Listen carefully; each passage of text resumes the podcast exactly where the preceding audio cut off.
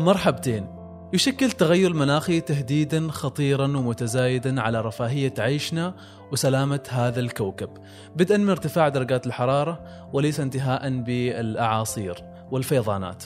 وعشان نتحدث حول هذا الموضوع بشكل مفصل وبشكل معمق لابد ان نتحدث مع متخصص في الإنذار المبكر. ضيفنا في هذه الحلقة هو عبد الله الخضوري. للرعاية والإعلان في بودكاست قفير بإمكانكم التواصل عن طريق الإيميل الموجود في توصيف الحلقة. أنا سالم بشير وهذا بودكاست قفير.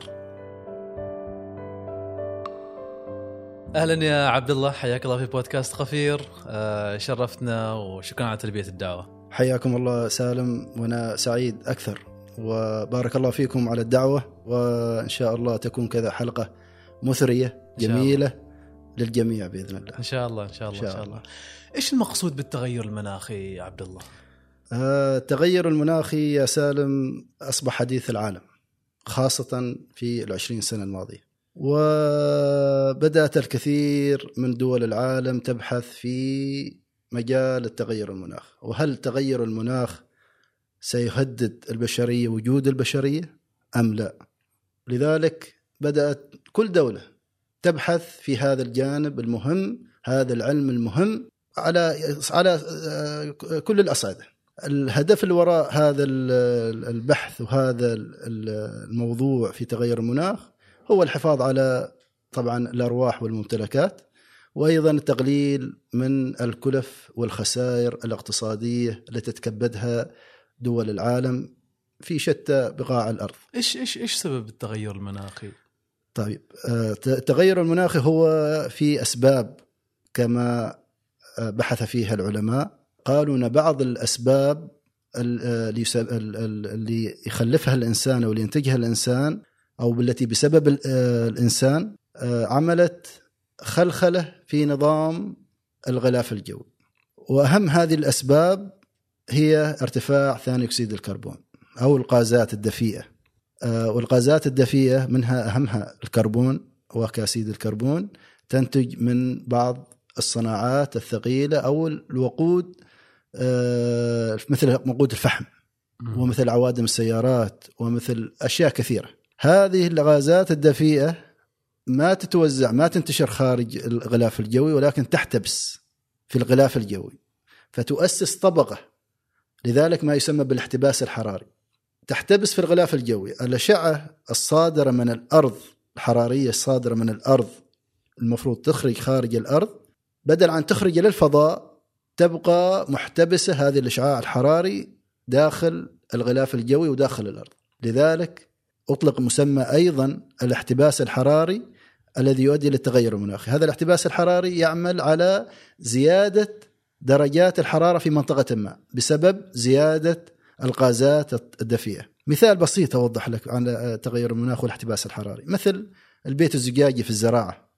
مم. البيت الزجاجي يستقبل أشعة الشمس لكن ما يخرج الاشعه فيحافظ على حرارة معينة داخل الغلاف الزجاجي بيت الزجاجي. نفس الكونسبت بالضبط لتغير المناخ أو الاحتباس الحراري الذي يقود لتغير المناخ. التغير المناخ هو النتيجة، الاحتباس الحراري هو السبب. مم. طيب الآن إيش اللي عمل الاحتباس الحراري؟ هناك أسباب كثيرة منها الإنسان واستخدام الكثير والقوي في الوقود لسبب ثاني أكسيد الكربون، لذلك الآن الدول متجهة إلى طاقات طاقة نظيفة حتى تقلل من تغير المناخ. هذا بشكل عام تغير المناخ نتيجة بسبب الاحتباس الحراري زيادة الغازات الدفيئة في الغلاف الجوي التي بسببها تزيد درجة حرارة الأرض حاليا البيانات تشير إلى ازدياد في درجات حراره الأرض والهواء القريب من سطح الأرض بمقدار درجة ونصف عن 100 سنة الماضية. درجة ونصف. لذلك شهدنا أيضا خلال الفترات الماضية ممكن لاحظتوا جميعا هذا الأمر. أوروبا بدأت تشهد درجات حرارة أكثر من 40 مم. صح؟ صحيح. فلذلك أصبح هناك تبادل في الأجواء أيضا.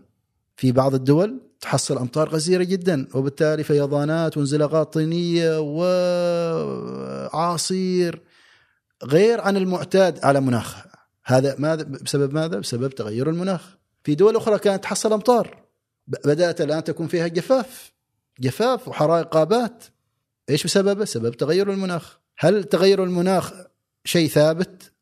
100% لا. شيء هي فرضية يبحث فيها العلماء. ويعز هذه الأمور إلى الاحتباس الحراري واحتباس إيش تقصد إنه شيء ثابت ولا لا؟ آه ليس شيء مطلق. يعني آه هي كلها بحوث علمية. تقصد إنه الاحتباس الحراري هو السبب لهذا التغير المناخي؟ آه لذلك آه بعض العلماء في فئة من العلماء قالوا تغير المناخ هي دورات فلكية مناخية خلقها الله سبحانه وتعالى مع مع مع نشوء الكون. ولكن الفئة الغالب واللي متوجهة له أيضا الوسط العلمي الحالي قالوا نعم هذا صحيح دورات مناخية فلكية لأن كان الإنسان في عصر جليدي. صح صح صح. في عصر برونزي وكذا يعني الأزمان تتغير أيضا وبالتالي المناخات تتغير والأجواء تتغير.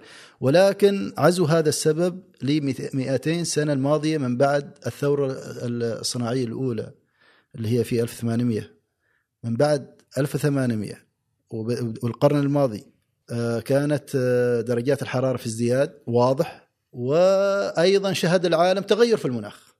لذلك رجعوا رجحوا السبب في تغير المناخ بسبب استخدام الكثير للوقود خاصة الوقود الأحفوري اللي يسبب الغازات الدفية وبالتالي يسبب الاحتباس الحراري وبالتالي يسبب تغير مناخ في عدة دول من العالم. لطيف. طيب الآن أنت تتكلم عن ارتفاع درجات الحرارة في أوروبا تتكلم عن أماكن كان فيها أمطار وأصبحت جافة. كيف يمكن اليوم إحنا نتكيف مع هذا الوضع؟ بارك الله فيك سالم. وسؤال ممتاز. لذلك دول العالم انتهجوا نهجين لا ثالث لهما. يا أما أنك تتكيف يا أما أنك تعالج. المعالجة أمر والتكيف أمر آخر. لذلك التكيف أنك تتكيف مع الخطر المحدق عليك اللي هو إيش هو الخطر الآن؟ إيش هو؟ تغير المناخ مم. بدل عن تكون هناك أمطار غزيره سيكون عندك جفاف لذلك يحتاج أن تتكيف مع هذا الأمر من خلال عدة وسائل كل دولة مسؤولة كيف تتكيف مع هذا التغير مثلا عمان الآن عندها اعاصير نوعا ما فيها بدأت فيها نوعا ما ازدياد في نسبة الاعاصير المسار الأول النهج الأول يجب أن تتكيف مع هذا الأمر كيف بنتكيف في هذا الأمر من خلال تقوية مراكز الإنذار المبكر في السلطنة من خلال إنشاء لجنة وطنية محكمة محوكمة قادرة على توعية الناس وإدارة هذا القطاع وتقليل الخسائر في الأرواح والممتلكات. كلما كانت عندك منظومة إنذار مبكر قوية اذا أنت استطعت أن تواجه آثار تغير المناخ. هنا هذه العملية كلها نسميها تكيف بالإنجليزي adaptation. المسار الثاني معالجة. إيش هي المعالجة؟ ال mitigation. المعالجة أنك تقطع السبب اللي يخلي عندك الاعاصير تزداد طبعا ما نقدر كدولة واحدة يعني مم. بس بعض الأحيان بعض الدول تستطيع أن تعالج تمنع مثلا الكربون مثلا مصانع الكربون مثلا أو هذه هي المعالجة نهج المعالجة آه الحد من الحد الكربون أو الحد ال- معالجه. الأمر الآخر اللي كثير من الدول تنتهجه هو التكيف مثل ما ذكرت ال adaptation وهذا إحنا أيضا ساعين في الأمرين في سلطنه عمان أيضا ساعين في الأمرين وحاليا هناك يعني اهتمام كبير من صاحب الجلالة سلطان هيثم حفظه الله ورعاه في تقوية منظومة الإنذار المبكر حتى تواجه آثار تغير المناخ وأيضا تواجه التطرف في الحالات الانواع المناخيه والاعاصير وبالتالي أيضا الهدف كله منه إيش هذا؟ الحفاظ على الأرواح والممتلكات. لطيف لطيف. طيب أنت لما تتكلم عن الكوارث آه معناته لازم لابد انه يكون في هناك نظام ل آه إدارة الكوارث أو آه إدارة الأزمات. كيف إحنا قاسين نتعامل مع هذا الموضوع؟ نعم سالم. طبعا آه، في 2004 حدث زلزال كبير في سومطرة في إندونيسيا. وعلى أثره في سومطرة حدث أمواج السونامي حدثت أمواج السونامي. أمواج السونامي اللي حدثت في 2004 سببت وفاة أكثر من 200 ألف شخص في إندونيسيا. لا أمواج السونامي حدثت في إندونيسيا وخلال ثمان ساعات وصلت إلى صلالة، وصلت بشكل ضعيف الحمد لله ولكن أدت إلى دخول السفن إلى ميناء صلالة وتأثرت بعض ال- الخسائر الاقتصادية. خلال فقط ثمان ساعات وصلت أول موجة سونامي. من خلال هذه الحادثة أمر صاحب الجلالة السلطان قابوس رحمه الله في إنشاء ما أسماه المركز الوطني للإنذار المبكر. يجب أن يعنى قطاع معين في السلطنة بتطوير منظومة إنذار مبكر. إيش المقصود في الإنذار المبكر؟ الإنذار المبكر أن يكون هناك مركز وطني طبعا احتضنته المديرية العامة للأرصاد هيئة الطيران المدني. من 2004 وتم تم تدشينه في 2008 وافتتاح المركز في 2015 المركز الوطني للإنذار المبكر هو المخاطر المتعددة عبارة عن مركز آه، فيه بنية تحتية قوية مجهز في جاهزية من الأنظمة يحتوي على عدة أنظمة. رادارات محطات بحرية رادارات بحرية رادارات طقس ستلايت أقمار الصناعية محطات 80 محطة موزعة على مختلف محافظات السلطنة. آه عندنا بالون نرسله إلى السماء في كل يوم صباح يرصد لنا حالة الطقس في الغلاف الجوي. عندنا آه محطات بحرية. عدة أنظمة. يعني فقط على سبيل الذكر. هذا المركز معني لإنذار الناس بالمخاطر التي ممكن يسببها تغير المناخ أو أمواج السونامي. هذا هو الهدف الرئيسي من إنشاء المركز الوطني للانذار المبكر المخاطره المتعدده. لذلك تم تجهيز المركز بأنظمة استشعار الزلازل وأيضا للتحسس أيضا من أمواج السونامي. لأن أيضا السلطنه معرضه لأمواج السونامي من خلال صدع مكران الموجود في بحر عمان. وللأسف أيضا إذا حدث زلزال هناك ما عندنا ثمان ساعات عندنا فقط نصف ساعة حتى أول موجه تسونامي تصل إلى سواحل بحر عمان. هل حدث هذا سابقا؟ نعم حدث.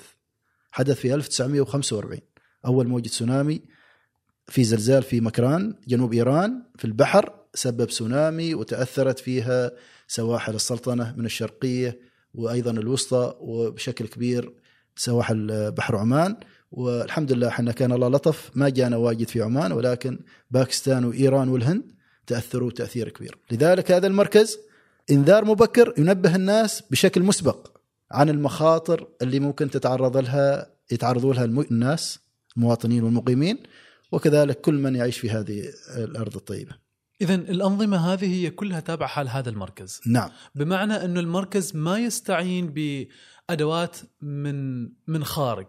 نعم طبعا المركز مرتبط بشبكات يعني خارجية بالبيانات تبادل البيانات في تعاون دولي بين كل دول العالم تحت إطار المنظمة العالمية للأرصاد الجوية تحت إطار منظمة الطيران المدني الدولي. إحنا عندنا بنية تحتية متكاملة لكن البنية التحتية هذه كلها بيانات رادارات بيانات صحيح. الأقمار الصناعية بيانات. كل ما يتعلق بهذه الأمور كلها بيانات. والانواع المناخية والمخاطر الطقس أو الزلازل لا تعرف حدود سالم. ماشي حدود مفتوحة. لذلك البيانات نحن نرسلها إلى دول الإقليم ودول الإقليم ترسلها إلى المراكز العالمية. المراكز الإقليمية ترسلها المراكز العالمية. هم يستفيدوا من بياناتنا وحنا كذلك نستقبل بياناتهم. فحنا نعرف قبل أن يوصل مثلا إعصار قادم مثلا من الهند. المحطات الموجودة في الهند إحنا نستطيع أن نقراها بسبب التبادل والتعاون البيان البيانات هذه. جميل. فبالتالي هناك مثلا زلازل. الآن إحنا مرتبطين مع الدول المطله للمحيط الهندي بشبكاتهم. وهم يشوفوا شبكاتنا هذا التعاون يخلينا أكثر قدرة على توفير منتجات ممتازة ذات دقة وكفاءة عالية نستطيع من خلالها تنبيه الناس بشكل مسبق عن الخطر اللي يمكن يجينا. هذا هو الهدف الأساسي من المراكز الإنذار المبكر في جميع دول العالم.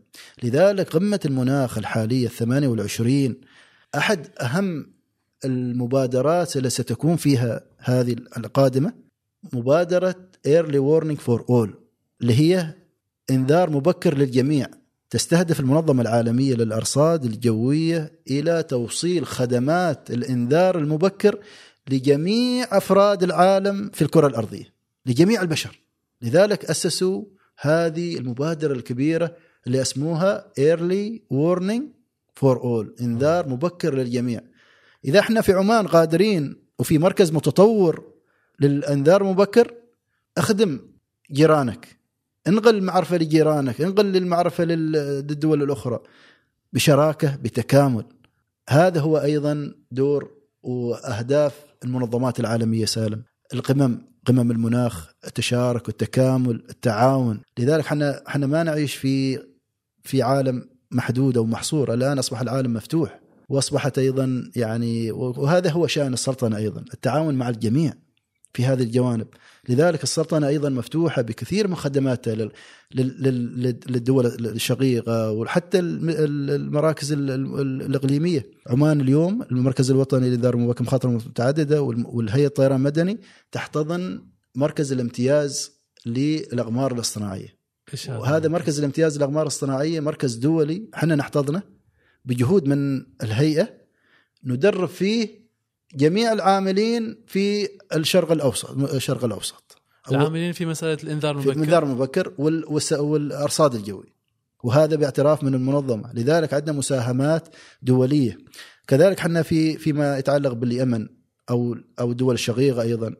يعني إحنا لأن إحنا واجهة في المحيط الهندي أو البحر العربي وبحر عمان. الاعاصير لما تجينا كثير من الدول أيضا تعتمد على قراءات السلطنة وقراءات المركز الوطني لإنذار مبكر مخاطر متعددة. كجهة متميزة وموثوقة في هذه هذا العمل. فالحمد لله رب العالمين السلطنة سلطنة عمان بنت بنية تحتية مميزة في مجال منظومة الإنذار المبكر وإدارة الأزمات والطوارئ. هذه هذه المنظومة سالم الآن من من عدة سنوات وهي تنقل خارج السلطنة كتجربة ناجحة مميزة استطاعت السلطنة أن تثبتها أمام دول العالم. حصلنا الكثير من الإشادات من المنظمات رسائل شكر في مم. هذا الجانب. جميل. طيب خلينا نغوص أعمق داخل آه الكوارث. إيش هي آلية التعامل مع الكوارث؟ من البداية من أول ما يعني تجينا الأرقام إنه في جميل. آه في شيء جالس يحصل وانتهاء جميل جميل الحدث. جميل. بارك الله فيك. أيضا سؤال مميز. هناك ثلاث مراحل للتعامل مع الكارثة. ما قبل الكارثة؟ وهي الانذار المبكر. أول مرحلة من مراحل التعامل في إدارة الأزمات هي الانذار المبكر أو الكوارث. م. وهنا يأتي دور المركز الوطني للانذار المبكر من مخاطره في المقام الأول. هو الواجهة in front line فهو من من هو يبدأ العمل؟ اللي هو الانذار المبكر المرحلة الأولى الانذار المبكر إذا لم يكن هناك انذار اذا المركز يعني لم يقم بدوره فلذلك سمي أطلق عليه المركز الوطني للانذار المبكر وليس الانذار المتأخر. فلذلك يجب أن يكون انذار مبكر كمرحلة اولى المرحلة الثانية في إدارة الأزمات والكوارث هي الاستجابة الريسبونس. الريسبونس الاستجابة. الاستجابة تأتي من خلال منظومة وطنية لإدارة المنظومه الوطنية اللجنة الوطنية لإدارة الحالات الطارئة. ممثلة في المركز الوطني لإدارة الحالات الطارئة. هناك مركز وطني لإدارة الحالات الطارئة. يتبع شرطة عمان السلطانيه وتحت إدارة معالي الفريق المفتش الفريق. هذا المركز الوطني لإدارة الحالات الطارئة لما حنا مثلا في إعصار قادم إلى السرطان. وتأكدت التنبؤات نتواصل مع المركز. بشكل مسبق كنا نتواصل معهم قبل ثلاثة أيام. الآن رفعنا مقدار الاستجابه والإنذار إلى خمسة أيام في الفترات الأخيرة. ما شاء الله. ثمانية أشهر. نعم. فنتواصل معهم ونعطيهم عالميا عالميا كم كم يوم عادة هو عادة ثلاثة أيام. يعني كثير من دول العالم تقتصر على ثلاثة أيام كإدارة أزمات وكوارث حتى تكون المعلومات أيضا دقيقة. والخطه الوطنية لإدارة الحالات الطارئه أيضا محكمة في ثلاثة أيام 72 ساعة قادرين على تنفيذها. وأثبتت السلطنة أيضا هذا الأمر خلال الحالات السابقة. كيف وصلت إلى خمسة أيام؟ الآن خمسة أيام إحنا كمركز وطني للانذار المبكر فضلنا أيضا انه يكون مقدار الإنذار والاستجابة خمسة أيام. ولكن ما زلنا نعمل على ثلاثة أيام كخطة وطنية. لطيف. أيوه فلما ننبه المركز الوطني للإدارة الحالات الطارئة يقوم المركز الوطني بإشعار كافة القطاعات المندرجة تحت اللجنة الوطنية لإدارة الحالات الطارئة هناك تسع قطاعات ويقوم بتفعيل كل القطاعات ويشعرهم بكافة التحديثات في السلطنة إيش القطاعات نتكلم عنها؟ القطاعات مثلا قطاع الصحة قطاع الرصد والإنذار قطاع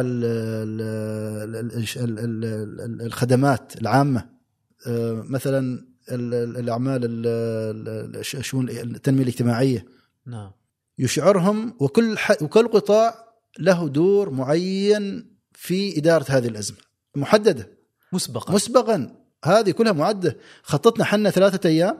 معدة مكتوبة. نعرف إيش نعمل. نسميها بالإنجليزي الإس أو بي هذه الإجراءات التشغيلية المحددة. إحنا لا ن... لا نت... يعني لا نعمل كذا بس فقط آه، بارتجاليا لا لا. ما يتم تحديد المهام في ذيك الوقت. خلاص لا خلاص المهام مسبقا يعني. المهام مسبقا محددة. إحنا المهام موجودة عندنا. حتى الأخصائي ال- ال- الأرصاد الجوي المناوب يستطيع أن يدير هذا الأمر. طيب هل هذه المهام هي محددة لاي كارثة؟ ولا هناك في تقسيمه للكوارث وكيفية التعامل نعم معها؟ إحنا الآن مع في الانواع المناخية فيما يتعلق بالمركز الوطني. دار بكر معني بال- بال- بالانواع المناخية والسونام مم. بمخاطر الطقس. آه هذه الأمور محددة عندنا مسبقا ومعتمدة من رئيس الوحدة موقعه ومنشورة مع القطاعات الأخرى في السلطنة. هذه خطة ال- المركز الوطني للانذار المبكر. وكافة القطاعات أيضا عندهم خطط مسبقة محددة. لذلك لما تحدث ال- المرحلة الأولى تكلمنا عن الإنذار المبكر المرحلة الثانية الاستجابة يتم الاستجابة من جميع القطاعات والاستعداد. معناته تفعيل تفعيل اللجنة المنظومة. بالضبط وهذا هو المسمى الصحيح. تفعيل اللجنة الوطنية لإدارة الحالات الطارئة. فيها تسع قطاعات الجميع يعني يكون على وضع استعداد ويفعل كافة اللجان في المحافظات. في- لجان في المحافظات في شؤون ال- ال- الإيواء قطاع الإيواء. واحد أحد من قطاعات قطاعات الإيواء. لطيف. أيوه فالكل يتجهز. الآن المرحلة الثانية الاستجابه المرحلة الثالثة فقط حتى نختم هذا السؤال هو مرحلة التعافي. بعد حصول الكارثة وبدأت هناك يبدأ وانتهاء الكارثة انتهاء الأزمة نبدأ المرحلة الثالثة وهي مرحلة التعافي. مرحلة التعافي إيش يحصل الريكفري. المرحلة التعافي لها أسس ولا تقل أهمية عن أهمية الإنذار المرحلة الأولى هي الإنذار المبكر ولا المرحلة الثانية اللي هي استجابة. مرحلة التعافي يتم فيها الإسراع في توصيل الخدمات مثلا. القطاع المسؤول عن الخدمات يبدأ يعمل هنا بقوة في إرجاع الخدمات إلى المواطنين. في إيواء عن, عن كهرباء عن ماء كهرباء ماء غذاء وكل ما يعني ما يحتاجه الإنسان. إيواء سكن يمكن. متى بيرجع السكن؟ متى لمتى أنا بجلس في الإيواء مثلا؟ كل هذا تبدأ مرحلة التعافي. وبذلك يعني يكون الموضوع يعني الكارثة فصلناها في هذه المراحل. طبعا هناك نقاط كثيرة. أنا الآن ذكرت الأشياء العامة الرئيسية في إدارة الكارثة أو الأزمة سالم متى متى تنتهي الكارثة؟ تنتهي الكارثة فرضا آه، آه، آه، إذا أعصار نوعا أو أنواع مناخية. هناك عندنا إجراءات تشغيلية محددة نقوم فيها. تنتهي من عندنا حنا الكارثة لما نصدر ما نسميه انتهاء بيان بانتهاء التأثيرات المباشرة من الحالة المدارية الأعصار المداري مثلا أي مثلا جونو لازم يكون هناك بيان صادر من المركز الوطني للإنذار المبكر يفيد بانتهاء التأثيرات المباشرة لهذه الحالة. هناك تبدأ مرحلة التعافي. أول يوم يبدأ من فيه مرحلة التعافي. وهنا تنتهي تأثيرات الكارثة. ولكن نبدأ في المرحلة الثالثة وهي التعافي. ومرحلة التعافي بعض الأحيان تأخذ أيام وبعض الأحيان تأخذ أسابيع وبعض الأحيان تأخذ شهور. في هذه الحالة يظل مفعل ال ال المركز؟ المركز المركز مفعل 24 ساعة سبعة أيام 365 يوم. آها طوال اليوم والليلة المركز مفعل سالم. مركز الانذار المبكر في أي وقت لازم يكون مركز الانذار المبكر مفعل واحدة بالليل ما تشوفوا التقارير والتنبيهات تصدر بعض الأحيان ثنتين بالليل 12 بال يعني كل وقت صحيح كل وقت هذه هي مراكز الإنذار المبكر هي عين ساهرة. لتنبيه الناس بالمخاطر اللي قد تحدث من الأجواء أو الزلازل والبحر يعني وك- وكذلك القطاعات الأخرى ليس فقط الإنذار المبكر كل التحية للشرطه الامانه السلطانية ممثلة في المركز الوطني لاداره حالات طارئة يقومون بجهد كبير جدا سام جهد كبير جدا ويشكرون عليه وأنا دائما في كل لقاء لازم أذكر هذا الأمر لأنهم بالفعل لطيف. يستحقوا الشكر لأنهم هم ال- المركز لهذه المنظومة وهم المنسق العام المشرف العام في السلطنة في إدارة الأزمات ومن خلالهم نحقق نجاحاتنا الموجودة حاليا. طبعا المركز الوطني للإنذار المبكر أيضا له دور كبير في تنبيه الناس يعني ما نغفل عنه. ممتاز لو نرجع شوية بالذاكرة عبد الله آه ونرجع بالزمن والعص... الإعصار المحفور في ذاكرة العماني جونو إيش صار في جونو نعم سالم. ذكرتنا بأيام صعبة. جونو يعتبر يعني التجربة الأولى في ال في ال في ال في العهد الحديث للسلطنة الكبيرة كارثة. يعني جونو طبعا من أقوى الأعاصير اللي مر في بحر العرب حتى الآن. حتى الآن. يسمى super cyclone بالإنجليزي. يعني super typhoon أو super hurricane. ولذلك سوبر أعصار يعني. وصل أكثر من 256 كيلو متر في الساعة. الرياح سرعة الرياح تخيل. مع ذلك كان متوجه مباشرة إلى السلطنة. وكنت حاضر أنا أيضا تلك الأيام شاهد عليها يعني. وكنت أحد أيضا الأخصائيين اللي ساهموا أيضا في التنبؤات هذه الحالة. خبرنا عنها. اعصار آه، رغون عادة الاعاصير لا تنخفض وهي في البحر. كان درجة خامسة وصل، وسط بحر العرب درجة خامسة، متوجه لنا درجة خامسة، super cyclone. لحظة عشان بس نفهم إيش عن الدرجات وإيش عن الانخفاض. نعم، درجة خامسة الاعاصير لها سلم. طبعا إحنا لما نبدأ الاعاصير تبدأ باضطراب مداري ثم تتحول إلى منخفض مداري ثم تتطور إلى منخفض مداري عميق ثم تتطور إلى عاصفة مداريه ثم تتطور إذا وصلت سرعة الرياح الدورانية حول المركز أكثر من 63 عقدة يعني أكثر من 138 كيلو متر في الساعة إعصار من الدرجة الأولى. إذا وصلت أكثر من 82 عقدة يعني أكثر من 170 كيلو متر في الساعة إعصار من الدرجة الثانية. إذا وصلت أكثر من 96 عقدة يعني أكثر من 200 كيلو متر في الساعة يكون إعصار من الدرجة الثالثة إذا وصل أكثر من 220 كيلو متر في الساعة 225 اعصار من الدرجه الرابعه أكثر من 230 عقدة 235 عقدة إعصار من الدرجه الخامسة ولا يوجد آه بعد شيء. عاد هذا أكبر تصنيف. عاد سوبر عاد يكون سوبر. خلاص أكثر تصنيف 230 أو 238 بالدقه يعني لذلك جونو تعدى 230 وكنت أراه متوجه نراه يعني متوجه إلى السلطنة بشكل كامل كان سيقطع السلطنة بشكل كامل. ولكن بفضل من الله سبحانه وتعالى. قبل أن يصل إلى السلطنة بتقريبا يعني أكثر من 30 ساعة أقل من 30 ساعة انخفض جونو من الدرجة الخامسة إلى الدرجة الثانية. عادة هناك تدريج ولكن رحمة من الله سبحانه وتعالى الثانية إلى الثانية. مع أن إحنا متعارف عليه الاعاصير لا تنخفض في البحر بل تنشط يعني خاصة إذا وجدت البيئة المناسبة. ولكن جونو ولله الحمد انخفض من الخامسة إلى السابعة إلى إلى الثانية. مع ذلك الكارثة التي حلت بالسلطنة كانت كارثة يعني تأثيرات كبيرة جدا آه، أدت إلى وفاة أكثر من 60 شخص وقدرت الخسائر المالية من هذا الإعصار أكثر من مليار ونصف ريال عماني أكثر من خمس مليارات دولار. طبعا خسائر كبيرة هذه. يعني تتحملها الدولة وأيضا خسائر البشرية اللي حصلت. كانت أيام صعبة. انقطعت فيها الخدمات وانشلت فيها الطرق. وكنا إحنا في مطار مسقط هذاك هذيك الأوقات. انقطعت عنا المياه انقطعت عنا حتى كنا نشرب من من صناديق الطائرة من تموين الطائرات. لمدة ثلاثة أيام نشرب ونأكل من الأغذية المخصصة للطائرات. طائرات نعم نعم. الحمد لله. يعني آه، عدت تلك الأيام. آه، من وين كان دخول جونو؟ جونو كان متوجه في البداية من مصيرة والشرقيه ثم انحرف تدريجيا وأصبح يلامس الشرقيه جنوب من ولاية صور ثم مسقط موازي لمسقط. لذلك لم يدخل. عين الأعصار لم تدخل. آه, آه لم تدخل لم تدخل لا لم تدخل. لم اعصار جونة لم يقطع برمته لم يدخل برمته إلى السلطنة. هذا اللي أثر علينا فقط النصف الأيسر من جونو هذا هو من الدرجة الثانية. من الدرجة الثانية بعد.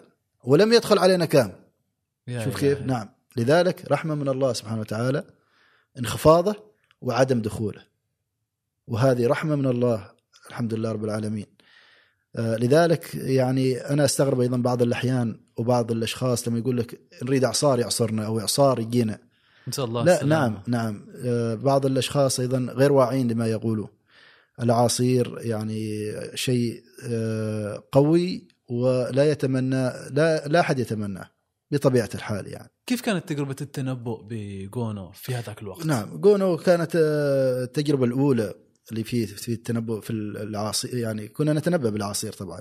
ولكن بحجم جونو كانت التجربة الأولى بهذا الحجم. ولله الحمد أدى المركز أو الأرصاد الجوي أدت عمل طيب في هذا الجانب. ولكن هناك بعض الدروس المستفادة من هذا الأمر. بالتأكيد يعني.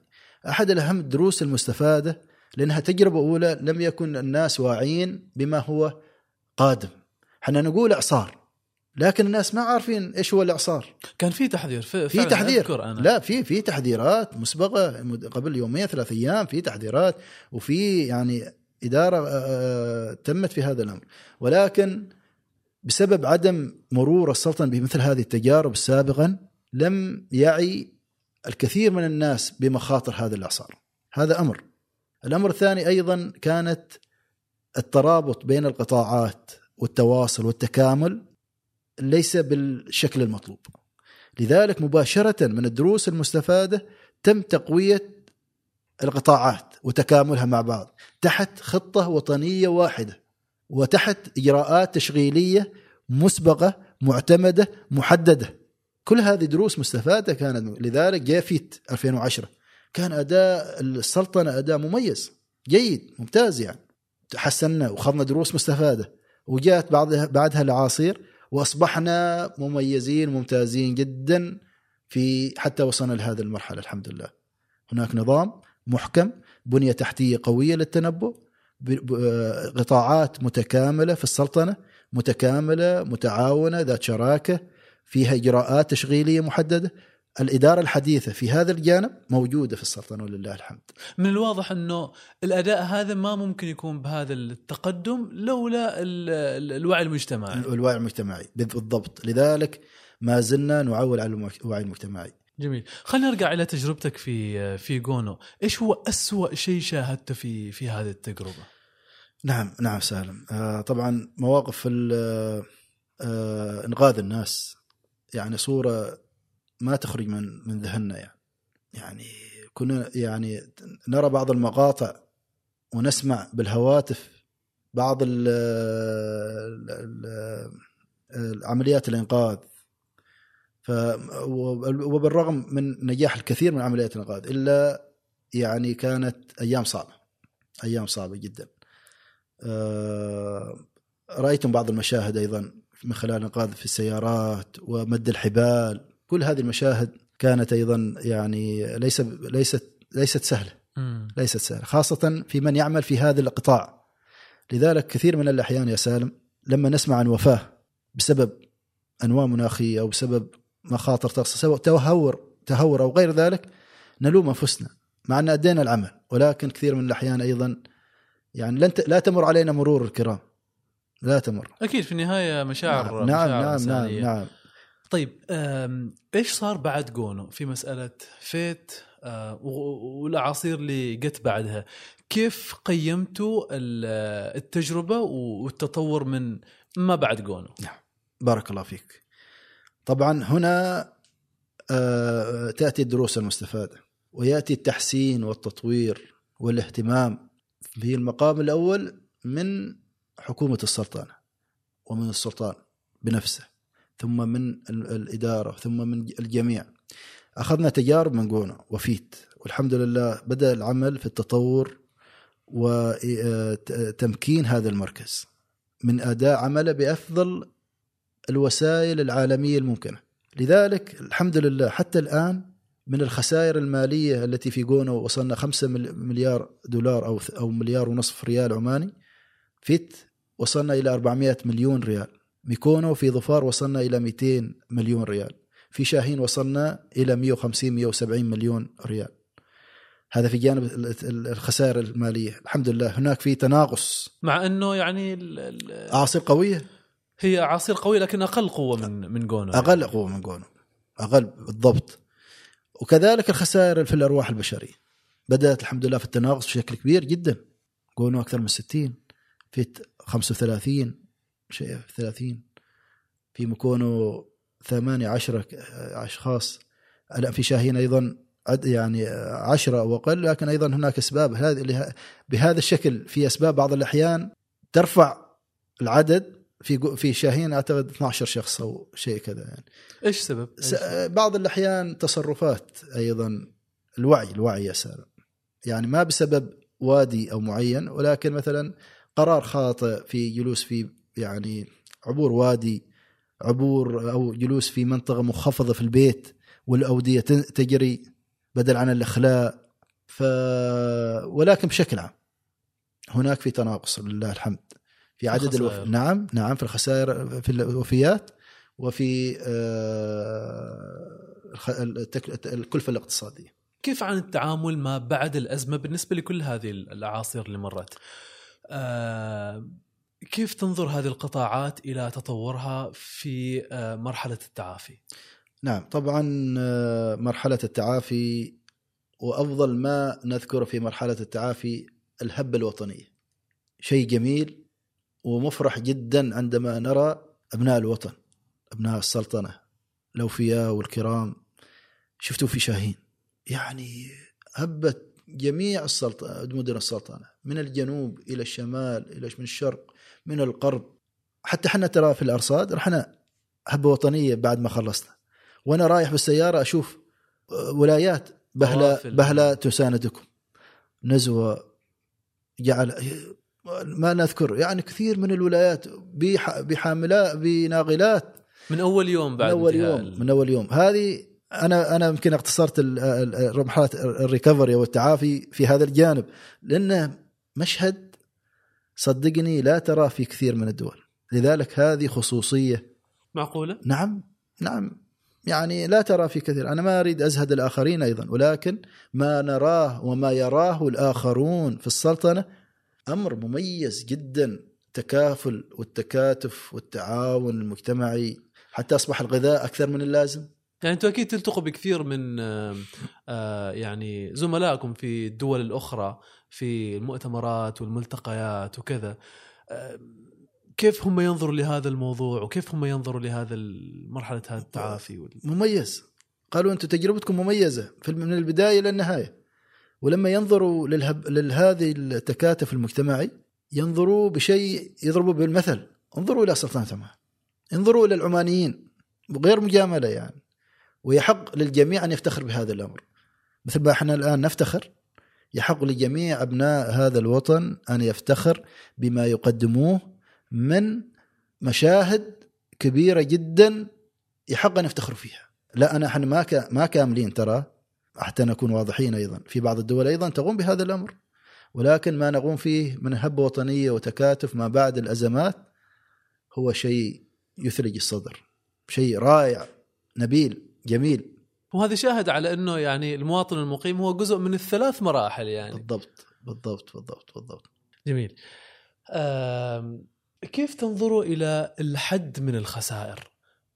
تكلمنا عن الخسائر البشرية والخسائر الاقتصادية؟ أنت تكلمت عنها. لكن هل هذا جزء من تقييمكم ل- لعملكم في الإنذار المبكر؟ نعم نعم. طب طبعا الآن وهذا جزء يجرنا إلى السؤال الأول في هذه الحلقة. التكيف من آثار تغير المناخ. كيف نعمل حنا على تقوية مركز الإنذار المركز الوطني للانذار المبكر المخاطر المتعدده كل دول العالم سالم تسابقت في تقوية مراكز الإنذار المبكر في في دولها. أكرر لهدفين رئيسيين للحفاظ على الأرواح وكذلك تقليل الكلف الاقتصادية. لذلك كان السلطان قابوس رحمه الله أيضا ذو رؤية واضحة في إصدار هذا الأمر وفي الاهتمام به. وطبعا الآن أيضا دعم هذا الأمر بشكل واضح السلطان هيثم. لذلك قبل سنتين كان هناك بعد مباشرة بعد شاهين أمر صاحب الجلالة السلطان هيثم بدعم وتطوير منظومة الإنذار المبكر وتزويدها بكافة الإمكانيات وتحديثها طبعا. لذلك الآن ما قمنا فيه في المركز الوطني للإنذار المبكر قمنا بتأسيس بتوجيه من سعادة المهندس نايف العبري أيضا رئيس الهيئة قمنا بتأسيس م- برنامج مزن الاستراتيجي برنامج مزن الاستراتيجي يعمل على تطوير منظومة الإنذار المبكر في الأرصاد الجوية بشكل محكم موجه منظم لمدة أربع سنوات قادمة. مركز آه، برنامج مزن الاستراتيجي شمل على ستة محاور و17 هدف استراتيجي وأكثر من 120 مبادرة استراتيجية وهذه المبادرات تغذيها أكثر من 13 مشروع استراتيجي. هذه المشاريع 13 جاء دع- دعم سامي من صاحب الجلالة بتمويلها. لذلك هناك عمل منظم موجه نعمل فيه من 23 و24 20 24 20 23 20 24 20 25 و20 26 خلال أربع سنوات سنعمل على تحقيق مشاريع نوعية مهمة في تطوير مركز الوطني للدار المبكر مخاطره متعدده. هناك رادارات الطقس الآن خمسة ستعمل. في في السنة القادمة أيضا سيتم إنشاء رادار مسندم هذه رادارات جديدة؟ رادارات جديدة. طبعا رادارات قديمة يتم إصلاحها الآن. رادار مسندم رادار جديد. رادار مسقط رادار جديد تم تدشينه قبل شهر. رادار مسندم سيأتي ال- الأسبوع القادم باذن آه، السنة القادمة بإذن الله. هناك مشروع أيضا لتحديث الأقمار الإصطناعية منظومة الأقمار الصناعيه سيرى النور السنة القادمة بإذن الله. هناك مشروع لنمذجة وتتبع الملوثات الهوائية. أي ملوثات هوائية تحدث في السلطنة أو إشعاعية نستطيع أن نتتبعها أين ستتجه. كما تعلم السلطنة محيطة محاطة نوعا ما خاصة من الشمال بمراكز مفاعلات نووية. فإذا حدث أي إشعاع نووي هذا أيضا المشروع يستطيع أن يتتبع هذه الكتلة الهوائية أين ستكون؟ في في في الجو يعني. في الجو في الجو. أين ستتجه؟ أيضا من المشاريع المهمة آه، نمذجة الفيضانات توقع الفيضانات. كيف ستكون الفيضانات؟ أين ستحدث الفيضانات الأودية. هل هذا الوادي بيجري خلال ثمان ساعات خلال ست ساعات القادمة أم لا؟ هناك بعض أيضا آه، آه، مشاريع نوعية في النمذجة العددية في التطبيقات السوفت البرمجيات كل هذه المشاريع ستغذي وستطور المركز الوطني للإنذار المبكر حتى يواكب أيضا أفضل الممارسات العالمية، إيش النتيجة من كل هذا؟ إيش تسألني يمكن إيش النتيجة عبد الله من هذا كله؟ خدمات ذات كفاءة وجودة عالية تلبي السلام الوطني. وهذه هي رؤية المر- المركز الوطني للإنذار المبكر. أن تكون أرصاد الجويه أرصاد جوية رائدة ومتطورة تلبي السلامة والاحتياج الوطني. هذا هدفنا أن نلبي السلامة الوطنية سواء للمجتمع أو لأصحاب المصلحة، اصحاب أصحاب المصلحة هم القطاع الحكومي، القطاع الخاص والقطاع العسكري. ممتاز إيش عن ال- الإنذار المبكر باستخدام البث الخلوي نعم جميل. بارك الله فيك. طبعا هذه أداة من الأدوات اللي يت... نستخدمها في تنبيه الناس. حالها يا سالم حال ال- التويتر مثلا. إحنا نرسل في تويتر مثلا وسائل التواصل الاجتماعي. نعم. إيش القصد نرسل في تويتر؟ حتى ننبه الناس. أحد طرق تنبيه الناس هو إنذارات البث الخلوي. كنا نستخدم في جونو وفي فيت ال SMS. طيب ال SMS هي الرسائل النصية القصيرة. ال SMS فيها إشكالية. ما تقدر تحددها لنطاق معين. ترسل لأشخاص مختلفين. آه، رقمك أو تليفونك ممكن تكون فيه ظفار والإعصار في مثلا مسقط. مسقط. بتجيك رسالة في ظفار. لأن توجه للهاتف. نعم. ال CBS اللي هو البث ال- الخلوي اسمه بالانجليزي CBS cell broadcast system ما يعمل على الهاتف يعمل على المنطقة. كل هاتف موجود محدد في هذه المنطقة نرسمها بتجيها رسالة. طيب لما تجيها الرسالة ما تجي رسالة نصية قصيرة يرن الهاتف. في الهواتف الحديثة مزودة بختمة بخدمة. هذه الخدمة ال CBS. وهذا بي أيضا بي- باتفاق من منظمة الاتصالات العالمية. هذا مثبت هذا الأمر. لذلك هذا ال CBS أو البث الخلوي يستخدم في عدة أشياء. لذلك إحنا نستخدمه في التنبيهات. لكن مثلا الدفاع المدني يستخدموه في أمر آخر مثلا في زحمة في الإمارات يستخدم هذا النظام إذا كان في طرقات زحمة. أيوه. فتجيهم إشعار ويرن الهاتف إن هذا الطريق فيه زحمة. إحنا نستخدم هذا البرنامج أيضا لتنبيه الناس إن في مثلا أمواج تنبيه من أمواج تسونامي. ويرن الهاتف. حتى لو كان صامت أنت مخلينه هو بيرن. أيوه. ف... وفي رسالة أيضا تجي هناك. وكله معتمد على أبراج الاتصالات أبراج الاتصالات. وهي اللي تحدد والم- يعني. والمركز عندنا مزود بنظام نستطيع رسم في المنطقة المحددة للخطر. فنرسم المنطقة الخطر الآن هذا للسونامي. ما زال للسونامي فقط بس سيتم تطويره أيضا خلال الفترة القادمة ليشمل الاعاصير الأمطار الغزيره الفيضانات بهذا الشكل. يعني ممكن نرسم مثلا محافظة مسقط فقط أو الأجزاء الساحلية من محافظة مسقط ما كلها محافظة مسقط فالأشخاص اللي واقعين تحت نطاق المناطق الساحلية لمحافظه مسقط سيأتيهم التنبيه. والتنبيه هذا مكتوب عليه مكتوب. التفاصيل تفاصيل وأيضا في صوت صوت مزعج منبه يعني. مم. لذلك سيتم استخدام هذه أيضا في أو في في الإكستريمز. آه الحالات ال- قوية القويه يعني حتى لا لا- حتى ما نفقد للإنذار قوته يعني أو التنبيه قوته.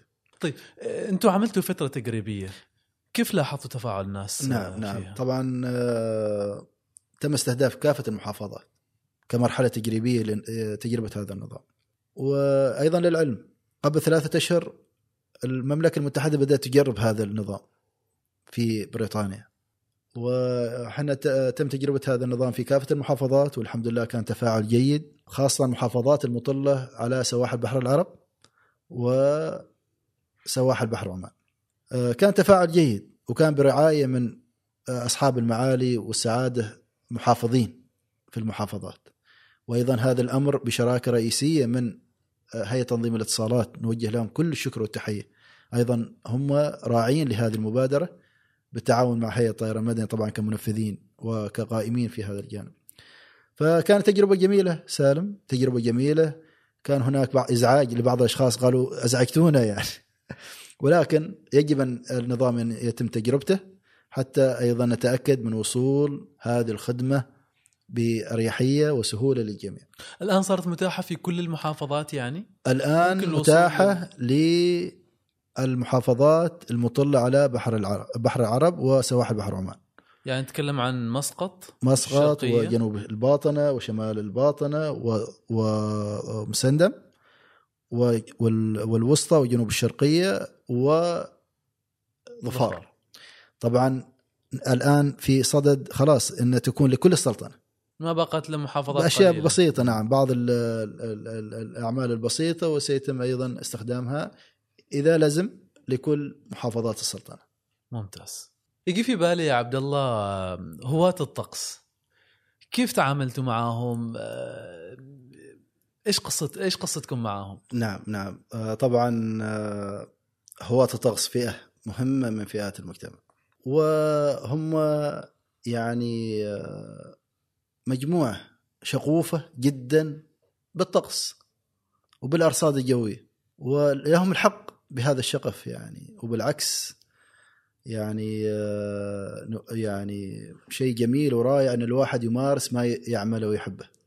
لذلك في الفترات والشهور الماضية وضعنا نصب أعيننا أن نحتوي هذه الفئة وأن نكون زملاء وقريبين جدا منهم وندعمهم ما فقط ندعمهم. وهذا أيضا بتوجيه من سعاده المهندس رئيس هيئة الطيران المدني. لذلك أنشأنا من بداية السنة مبادرة كبيرة سميناها مبادرة أصدقاء الأرصاد الجوية العمانية واستهدفنا فيها هواة الطقس في سلطنة عمان. كان هدفنا هدف رئيسي أن نكون في سلطنة عمان هواة الطقس والمؤسسة الرسمية الجهة المختصة وهي هيئه الطيران المدني. مثال رائع يحتذى فيه في بقية الدول الم- المجاورة ودول العالم لأن هناك دائما تحدي بين هواة الطقس والجهة المختصة آه. آه. نعم ال- التح... المشكلة التي تقع هنا دائما أها هو جانب مهم للجهة المختصة وهو الحفاظ على الأمن المجتمعي وعدم إرباك المجتمع بمعلومات مغلوطة وإصدار آه. إشاعات نعم نعم أحيانا من من من مصادر خارجية خار... أو خارجية أو داخلية آه. البعض من هواة الطقس متمكن سالم متمكن آه لذلك وضعنا هدف أمامنا أن نهتم بهذه الفئة إيش اللي صار؟ اللي صار عملنا هذه المبادرة وفي هذه المبادرة أنشطة وعملنا اللقاء السنوي الأول مع هواة الطقس في شهر سبعة عددهم كبير عبد الله كبير عددهم كبير عددهم كبير وفي السلطنة كم يعني يتجاوز 100 لا أكثر من 100 طبعا المجموعات فقط. الم... نعرفها أكثر من 25 إلى 30 مجموعة وكل مجموعة تضم يعني ممكن إذا ما عشرات إذا ما مئات عشرات. آه اللقاء السنوي الأول برعاية سعادته. دعينا آه هو أصحاب المبادرات أصحاب الإمكانيات أصحاب المهارات. وجو عرضوا مهاراتهم وإمكانياتهم أمام الجميع. حققنا في هذا اللقاء نقاط ثمينة جدا بالتعرف عليهم بمعرفة مهاراتهم. وكذلك تعرفوا علينا وأخذناهم في جولة إلى المركز الوطني للاداره المبكره مخاطر متعددة. وأيضا وضعنا تصور لما سيأتي لاحقا. لذلك إيش شكل هذا التصور؟ تصور أن تكون هناك مثل الورش التدريبيه ندعمهم بورش تدريبية. مثلا ورشة تدريبية في الرصد الجوي. مثلا في المطارده الجويه في السلامه الجويه مثلا الآن أيضا قبل ثلاثة أسابيع اجتمعنا وأسسنا معهم. اجتمعنا مع أكثر من 20 مجموعة وأسسنا ما أطلقنا عليها المجموعة الوطنية لهواة الطقس بسلطنه عمان. أسسنا مجموعة وطنية تحت اشراف مشروع رصدة أيضا. أه ووكلنا لهم أيضا قيمه مضافة لهم كانوا يبحثوا عنها. كانت الأرصاد تسمي المخفضات الشتوية وكانوا هواة الطقس أيضا يسموا هو المخفضات الشتوية.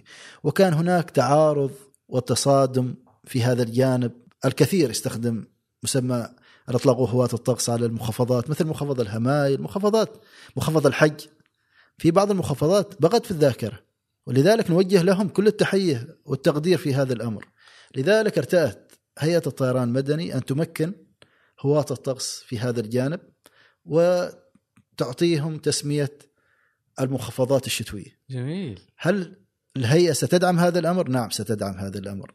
لن نسمي الآن إحنا المخفضات الشتويه، سنعتمد على مسماهم وهناك توجيهات طبعا بموافقة طبعا مسبقة من هيئة إشراف يعني إشراف. حتى لأن بعض المسميات تحتاج أيضا مراجعة. ف وفرحوا كثير سالم فرحوا كثير بصراحة شوف شيء أمر لا نراه كثيرا يعني كبير ولكن أثلج صدورهم وقالوا صحيح في شراكة الآن أصبحت واجتمعنا معهم أيضا نقطة ثانية وجو عندنا في الهيئة والبعض منهم أونلاين كان. يعني شخصيا رأيت مجموعة من هواة الطقس ذو نضج مجتمعي وثقافة عالية. عجيب. نعم نعم فيهم ثقافة وفيهم نضج مجتمعي. ليسوا يعني فقط يعني يطمحون للشهرة مثلا أو لا لا في عندهم نضج. لذلك تم التوافق على هذا الأمر بترك هذا التسمية لهم. وإن شاء الله يكونوا أيضا على قدر هذه الثقة بإذن الله ويحافظوا عليها. هذه فرصة أيضا أن يتكاتفوا ويتعاونوا. لذلك تم تأسيس المجموعة الوطنية لهواة الطقس. وتوجهنا بتأسيس هذه المجموعة من كل محافظة يجب أن يكون يساهموا في هذه المجموعة. لذلك 11 محافظة كلهم موجودين في هذه المجموعة. سواء من محافظة ظفار من محافظة مسندم من كل محافظات والتسمية أيضا يشارك فيها الجميع من المجموعة وليست حكرا على أحد. طبعا هي بإشراف من مجموعة من مشروع رصدة أيضا نوجه لهم كل التحية. طبعا مشروع رصدة أيضا عنده نظام مستقر في التسميات وأيضا مميزين في الأرشفة. لذلك أخذوا على عاتقهم أيضا الإشراف على هذا الأمر وعدة أشياء والعملية مستمرة أهم شيء الاستدامة. صحيح. أيضا إحنا لا ننظر على نشاط واحد. صحيح. أن تكون الأمور مستدامة. وتكون علاقة مفتوحة مفتوحة يعني. ومستدامة خلال الفترات والسنوات القادمة. لا نبني الأمر فقط لشهر أو شهرين أو نشاط أو نشاطين. علاقة. لا لا نبنيها أن تكون مستدامة فترات طويلة بإذن الله. وبالعكس أعتقد هذا هذا يعني ممكن تكون يعني هواة الطقس هذا. ممكن يكونوا أداة جيدة في التواصل بارك مع الله المجتمع فيك. الوعي المجتمعي اللي تكلمنا عنه. بارك الله فيك بارك الله فيك. وهذا ما نخطط له أيضا. أن يكونوا شركاء في توصيل المعلومة الصحيحة للمجتمع. لطيف. من من من منذ البداية حديثنا سالم ذكرنا أهم شيء عند المركز الوطني للإنذار بمكان خطر وهيئة الطيران المدني والأرصاد الجوية المجتمع وأصحاب المصلحة. الحفاظ على الأرواح والحفاظ على الممتلكات. هذا هو هدفنا. وهذا هو النقطة التي وصلناها لهواة الطقس هدفهم وهدفنا واحد وما يخرج عن هذا الإطار هناك قانون نظم. لذلك بلغناهم. ساعدونا وتعاونوا معنا في الحفاظ على أمن المجتمع وتوصيل التنبيهات بالطريقة الصحيحة بدون مغالطة وبدون مبالغة وبدون تهويل حتى نحافظ على هذا الأمر أيضا. صحيح. من يخرج عن هذا النطاق ينصح لكن إذا رأينا مرة أخرى أن الأمور خرجت عن السيطرة سيتم أيضا التوجيه وإذا لم يتو يعني يلتزم الآخرون هناك قانون وينظم. هذا العمل. نعم. إيش هي التحديات اللي تواجه آه الإنذار المبكر في الوضع الحالي؟ نعم نعم. بارك الله فيك. أيضا سؤال جميل يا سالم. ومهم. وأنا حاليا أبرز التحديات اللي تواجه المركز الوطني للإنذار المبكر هو وعي المجتمع. على الرغم من الحالات الكثيرة والتجارب السابقة التي مرت على السلطنة إلا بعض المشاهد يا سالم تتكرر. تتكرر للأسف. إيش المشاهد اللي تتكلم عنها؟ المشاهد اللي تتكرر بعض الأحيان مجازفة في عبور اللودي ومثل ما ذكرت لك بعض الأحيان نلوم أنفسنا أن هل نحن مقصرين في التوعية؟ لذلك جاءت الحملات التوعوية الآن المبادرات التي ستنطلق قريبا أيضا. كنا نمارس التوعية وننشر التوعية ولكن دائما نقول يمكن إحنا ما عملنا جهد كبير في التوعية. لذلك التحدي التي نواجهه الآن هو كيف نصل رسالتنا لجميع من في السلطنة طلاب مسؤولين حتى المسؤولين في الدولة محافظين ولاة مدراء عموم صناع القرار يجب أن نصل لهم لذلك وضعنا هدف أيضا. في الهيئة أو في الأرصاد الجوية العماني أو أو المركز الوطني. السنة القادمة سنزور أكثر من 20 مؤسسة رسمية. سنذهب لهم. نقول لهم هذه خدماتنا وهذه طريقة التواصل وهذه طريقة خدماتنا وهذه عملنا وهذا إحنا نقوم. بالعمل. وهذه المخاطر اللي إحنا نستهدف أن ننبه من منها. لطيف. لذلك توعية أصحاب القرار مهم. توعية المجتمع بفئاته مهم. الشراكة مع المجتمع مهمة. والشراكة مع القطاعات الأخرى مهمة. هي عملية م- متكاملة. لذلك قررنا أن نخرج أيضا من أسوار المكاتب من مكاتبنا ونبذل جهد كبير خارج المكاتب من خلال التوعية ومن خلال نشر ثقافة كيفية التعامل ال- ال- ال- ال- الصحيحة والتصرف الآمن أثناء وجود المخاطر. هذا مهم جدا سالم وهذا أمر لن ينتهي لأن الأجيال تتجدد أيضا صحيح فيحتاج يكون أيضا بشكل مستمر. التحدي آه، ال- ال- الآخر أيضا الذي نبنيه الآن أو نحاول أن آه، نعمله هو آه، كيف نتكامل مع كافة القطاعات اللي هي الشراكة. يعني هناك جهود كثيرة تبذل من كافة القطاعات. لذلك مثلا القطاع العسكري كثير من الجهود يبذلونها وحنا نبذل جهود. لذلك كيف نستطيع أن نتكامل أيضا ونتعاون من أجل تحقيق مصلحة واحدة مثلا بعض القطاعات الحكومية وزا- هيئة البيئة وزارة الزراعة والثروه السمكيه وموارد المياه عندهم محطات كثيرة في الأمطار كيف نستطيع أن نتكامل ونوحد الجهود من أجل هدف واحد بدل عن نب- إحنا نعمل في منفصلين هم. يعملوا بشكل منفصل لا نخرج أيضا تكامل ونتكامل. تكامل بالضبط بالضبط هذا أيضا نعمل عليه بإذن الله جميل جميل قبل ما نختم حديثنا الرائع معك تحقيق الأمن البيئي على هذا الكوكب كيف تشوفه؟ طبعا آه، جزء من اجزاء من من الآن يجرنا هذا الحديث أيضا إلى ال- ال- أول نقطة تكلمنا فيها تغير المناخ. الأمن البيئي جزء مهم أيضا الجميع يعمل عليه لتحقيقه في أرض السلطنة. لذلك آه، هذه أمور كثير مناطة فيها هيئة البيئه. ولكن هي جزء لا يتجزأ من أي مؤسسة أو من أي شخص.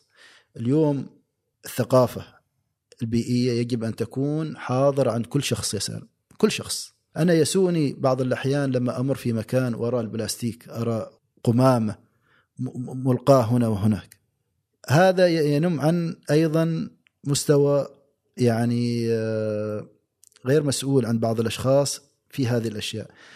الأمن البيئي يضمن لك أمر رئيسي يضمن لك استدامة الموارد المالية والموارد الطبيعية. عندما يكون عندك أمن بيئي ووعي بيئي واهتمام في البيئة هذا يضمن لك نسميها sustainability أو الاستدامة. استدامة مالية، استدامة في الموارد أيضا الطبيعية. كذلك الثقافة يعني يجب أن تكون حاضر وهذا حتى مسؤولية الفرد في البيت في البيت. كم مقدار المخلفات أنت تعملها في اليوم؟ بعض المنازل في اليوم في اليوم يمكن ثلاث أكياس من القمامة. هل هذا صحيح؟ هل يستدعي الأمر؟ كل هذه المخلفات إن إحنا نعملها؟ ويعني قيس على أنواع المخلفات. هذا أنا دخلت في جانب يمكن زاوية ضيقة ولكن هذه مشاهد أيضا نمر عليها يوميا. لكن نسأل أنفسنا هل هذه هو صحيح؟ يعني فيها أمن بيئي هل صحيح أن هل يستدعي هذا الأمر؟ نعمله؟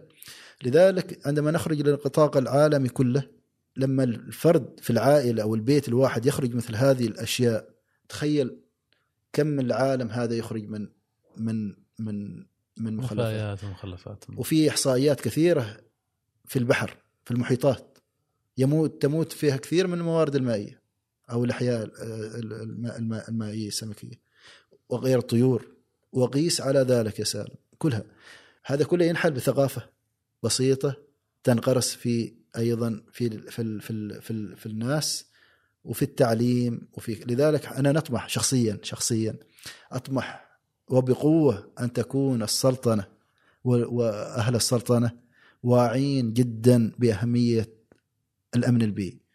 مثال على ذلك. سلطان هيثم أمر بإلغاء الاكياس البلاستيكية إلغاء يعني توقف وأمر رائع جدا. ومفترض علينا أن نساند هذا الأمر.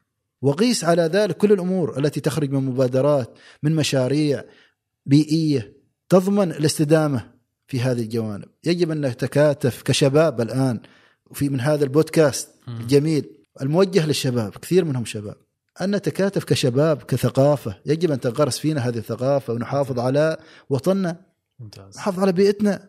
إذا إحنا ما حفظنا إذا إحنا ما حفظنا ألغينا الغمامة في كل مكان آه يعني وغير ذلك يعني آه عشان تبقى أيضا لأجيال قادمة و... تبقى أجيال قادمة. ولأنفسنا يا سالم حتى نحافظ على أنفسنا أيضا أنفسنا يعني واستدامتها. والأرض على لها حق علينا. صحيح. الأرض لها حق لها حق هي أمانة فعلا. وأمانة. وبإذن الله هل بتسألني كيف اليوم مقارنة بالأمس؟